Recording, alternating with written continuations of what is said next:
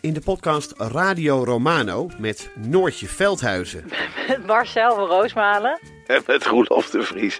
brengen we alle drie elke week een zogenaamde signalering mee. Wat heb jij nou weer bij je? En aan het eind bepalen we wie de winnaar van de week is. Echt een angstcultuur Lege huls die je er bent? Ja, dat gaat eigenlijk altijd onvriendelijk. Luister nu naar Radio Romano bij Podimo. Via podimo.nl slash Radio Romano luister je 30 dagen gratis. De Bright Podcast brengt je elke week de nieuwste gadgets, Het is gewoon de allerbeste Apple Watch die er is. technieuws, Instagram heeft hier eens een functie van de concurrentie afgekeken. commentaar Ik denk van, nou, dit was gewoon Volkswagen onwaardig, die, die oplossing. en de beste techtips. Mijn favoriete boek was Helgoland van Carlo Ravelli. Luister de Bright Podcast elke woensdag in je podcast-app. Het is Wat gewoon- een geweld. Het is zo lekker om naar te luisteren.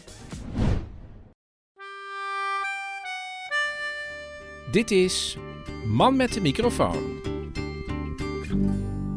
Welkom bij Man met de microfoon. En omdat blijkt dat zelfs mijn zus het niet begrijpt, ga ik het jullie toch nog even uitleggen. Ik heb op dit moment twee podcasts. Deze, Man met de microfoon, en een hele bijzondere getiteld Een grote bruine envelop. En voor die podcast heb ik samen met mijn luisteraars 250 enveloppen lukraak verspreid in heel Nederland. Met de vraag of mensen mij iets bijzonders willen terugsturen. En iedere maand kies ik één voorwerp, foto, krantenknipsel, dingetje wat is teruggestuurd. En daarmee ga ik op avontuur. En het eerste avontuur is al begonnen. Dus dat kun je al beluisteren in de podcast waar je je nu op gaat abonneren, getiteld Een grote bruine envelop. En dan kun je dus om de week naar die podcast luisteren of naar Man met de microfoon. Want maak je nu klaar voor een mini-romcom. Je luistert naar Mini-romcom. Waar gebeurde verhalen over hoe ze elkaar ontmoet hebben. Aflevering 2: De Operetteprins.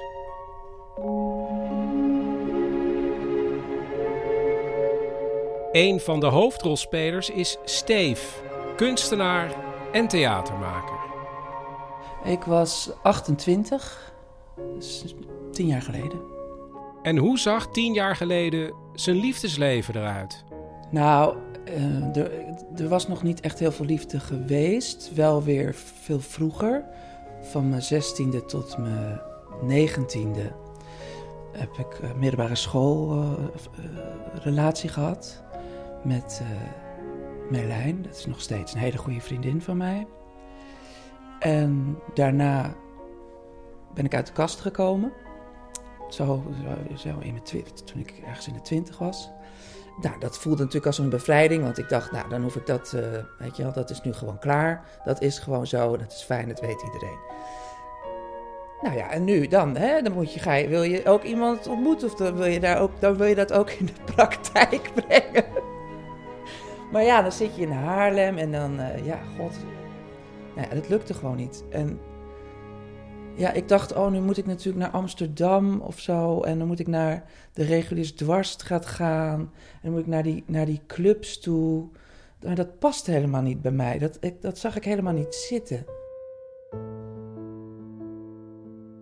Steef ging dan niet naar de clubs in Amsterdam, maar had wel een heel sterk sociaal leven. Ik deed heel veel eh, dingen. Ik zat in een eh coverband bijvoorbeeld in Rotterdam. Met allemaal vrienden. Nou ja, dat was natuurlijk als we dan samenkwamen op eh, woensdagavond. Dan was het iedereen vertellen wat er allemaal wel niet gebeurd was op liefdesgebied. En dan was steeds het rondje en dan was ik aan de beurt. Ja, dan had ik weer niks te vertellen. Op een gegeven moment zei ik, als er wat is, dan horen jullie het wel. De andere hoofdpersoon in dit verhaal is Nick. Toen 30 jaar oud en piloot. En wanneer wist hij dat hij dat wilde worden? Ehm, eigenlijk al heel, heel vroeg, van, van, van jongs af aan. Maar ik had nog nooit gevlogen. Nooit op vakantie geweest, nooit in een klein vliegtuigje. Ik, ik werd ook voor gek verklaard door mijn klasgenoten op de vliegschool. Hoezo weet je dat je dit leuk gaat vinden? Ja, weet ik. Ja, weet het gewoon. En hoe zat het met de liefde? Nou, die, die was, uh, daar gebeurde eigenlijk niet zoveel. En sinds wanneer wist hij dat hij op jongens viel?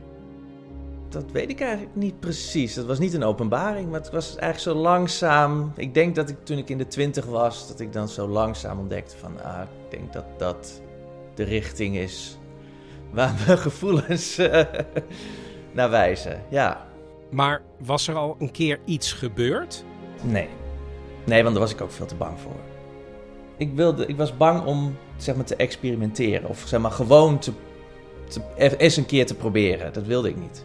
Omdat het ook niet echt... Ik, een one-night stand lijkt me ook ergens verschrikkelijk bijvoorbeeld. Ik, dat is, past helemaal niet bij me.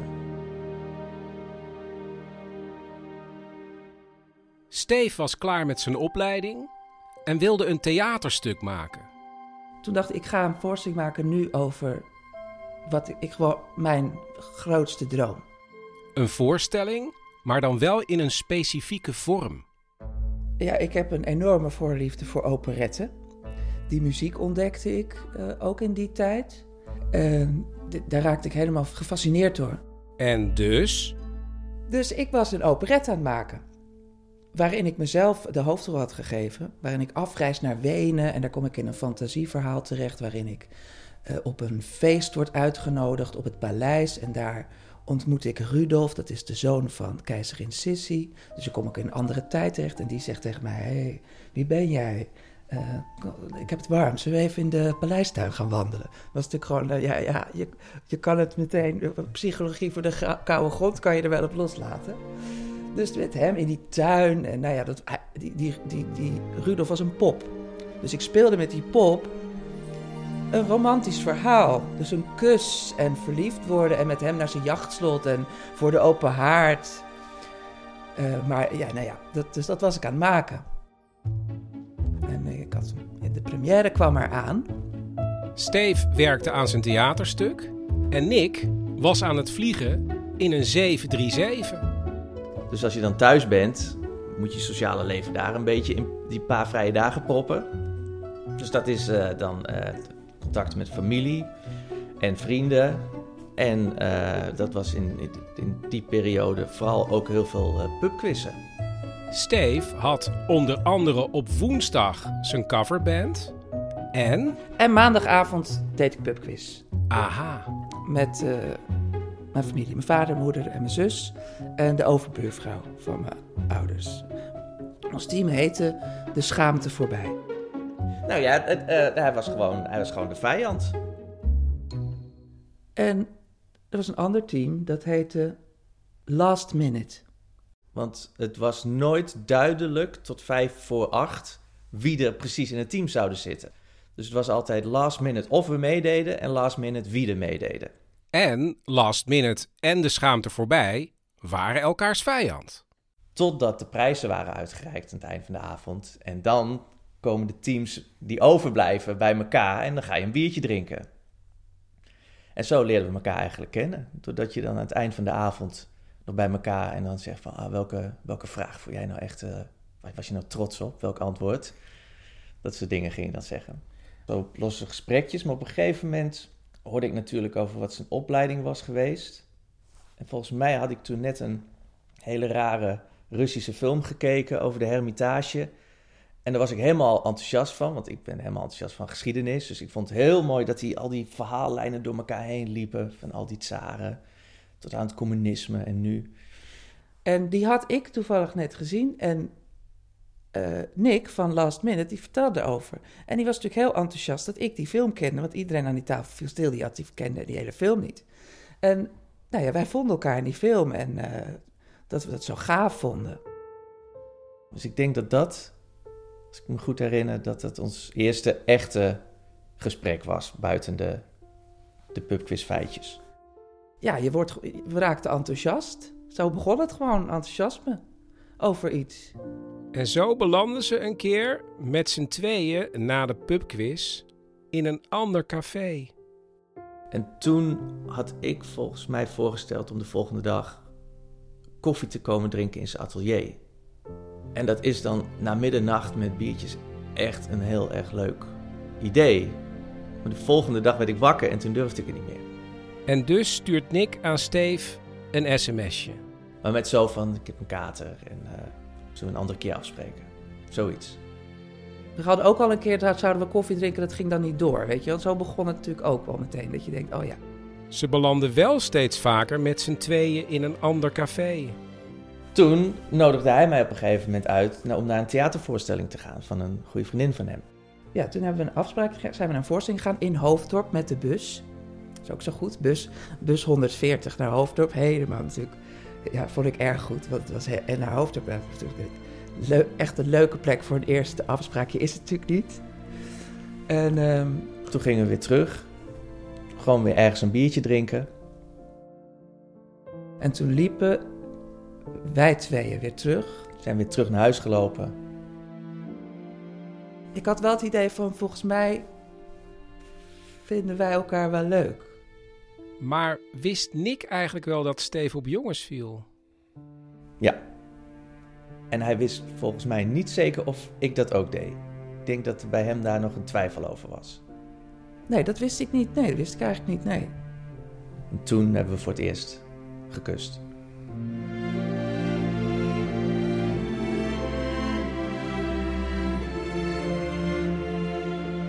Nee, dat wist ik niet. Maar ja, toen, toen hadden we gezoend. Dus dat lijkt me wel een bewijs. En was dit voor Nick zijn allereerste echte zoen? Ja.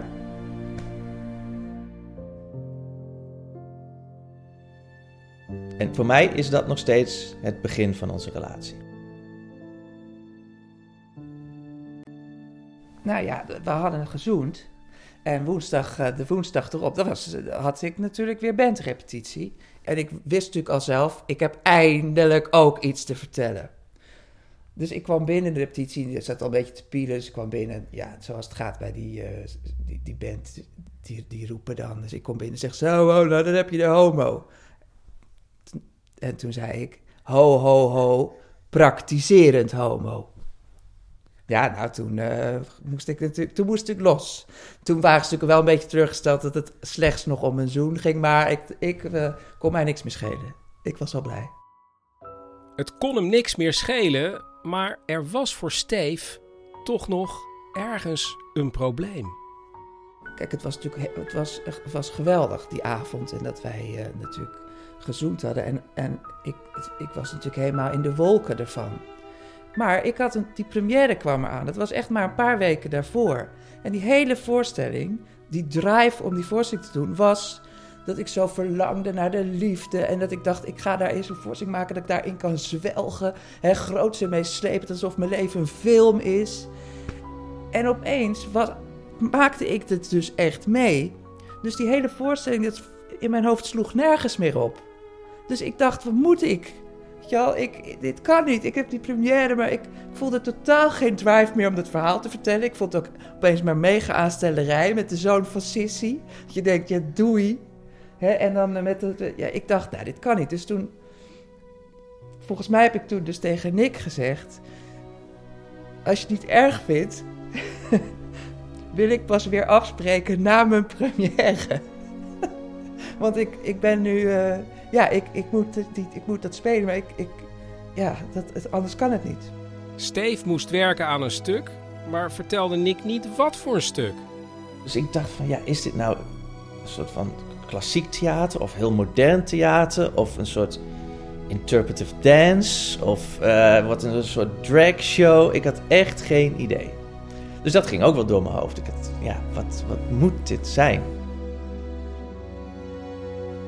Het klinkt zo onaardig, maar ik, ik, het, ik, hou, ik hou niet zo van die hele uitbundige drag queen wereld bijvoorbeeld.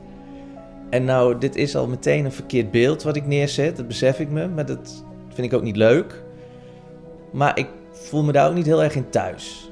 Dus, als, dus daar was ik wel een beetje bang voor. Straks is het dus zo'n soort voorstelling met allemaal uh, drag queens en, uh, en heftige muziek waar ik niet echt het gevoel had dat ik me daar thuis zou voelen. En toen was er de dag van de première. Ja, kijk, ik ben sowieso altijd Louis zenuwachtig voor een voorstelling. En dit was extra zenuwachtig, maar ik vond het ook gewoon heel leuk dat hij was gekomen. Nick was gekomen met een aantal mensen van de pubquiz die nog van niets wisten. En voor die voorstelling gingen we met z'n allen ergens eten. En toen vroeg die presentator van die pubquiz aan mij van... Goh, toen hadden we het allemaal een beetje over relaties en liefde. En zei van, hoe zit het nou eigenlijk met jou? Want ik was natuurlijk voor mijn vrienden af en toe ook een beetje een raadsel. Die, wisten ook niet precies... Is hij nou wel op zoek of niet op zoek? En waar is hij dan nou op zoek? En dat zeiden ze ook. Dat vond ik, en daar kon ik altijd heel goed omheen draaien. En uh, toen zei ik tegen, was eigenlijk voor het eerst dat ik tegen hem zei van, uh, ja, hij is nu wel met iemand aan het daten en uh, het is wel heel erg leuk, maar het is nog pril. En, en even later zaten ze bij de voorstelling. En dat ging over de zoektocht naar liefde van het hoofdpersonage, die ook Steve heette. Dus eigenlijk van Steve zelf. De quizmaster zat naast Nick. En die zat op een gegeven moment naar mij te kijken. En die haalde zo die, dat gesprek van het eten weer naar voren. En die zag de voorstelling. En in zijn hoofd werd het een brei. En in één keer ging er zo'n lampje aan van... Hé, hey, maar wacht eens even. En toen was het, na een zeer succesvolle première, voor iedereen duidelijk. Toen uh, was hij natuurlijk ook uh, weer vrij, zowel qua tijd en mentaal. En toen, uh, ja, toen ging het eigenlijk meteen als de sneltreinvaart. Het was denk ik mei inmiddels. Dus even al een paar weekjes later.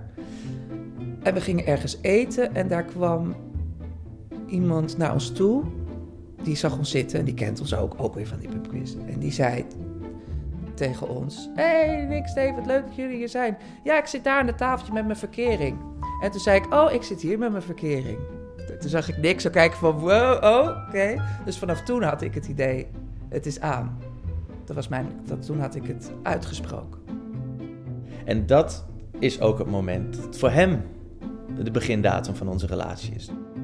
Dus dit jaar kunnen ze en in maart en in mei hun tienjarig jubileum vieren. Maar wat betekent dit eigenlijk voor de sprookjesachtige operettes die Steve wilde maken?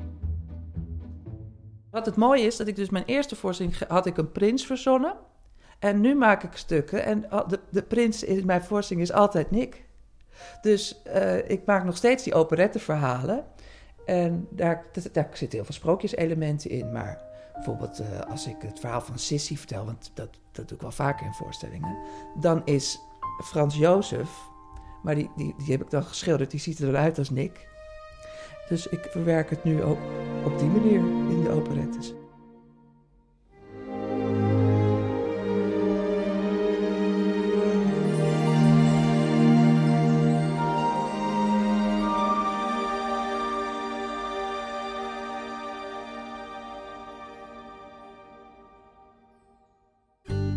Dit was weer een aflevering van Man met de microfoon. Heb je nou zelf een mini-romcom of ken je iemand met een mini-romcom? Mail dan even naar manmetdemicrofoon@gmail.com of laat drie woorden achter op het speciale telefoonnummer 084 8371 282. En, ook heel belangrijk, abonneer je op een grote bruine envelop. En dan ga je dus om en om, elke week is er wat Man met de microfoon, mini-romcom of een grote bruine envelop. Tot snel!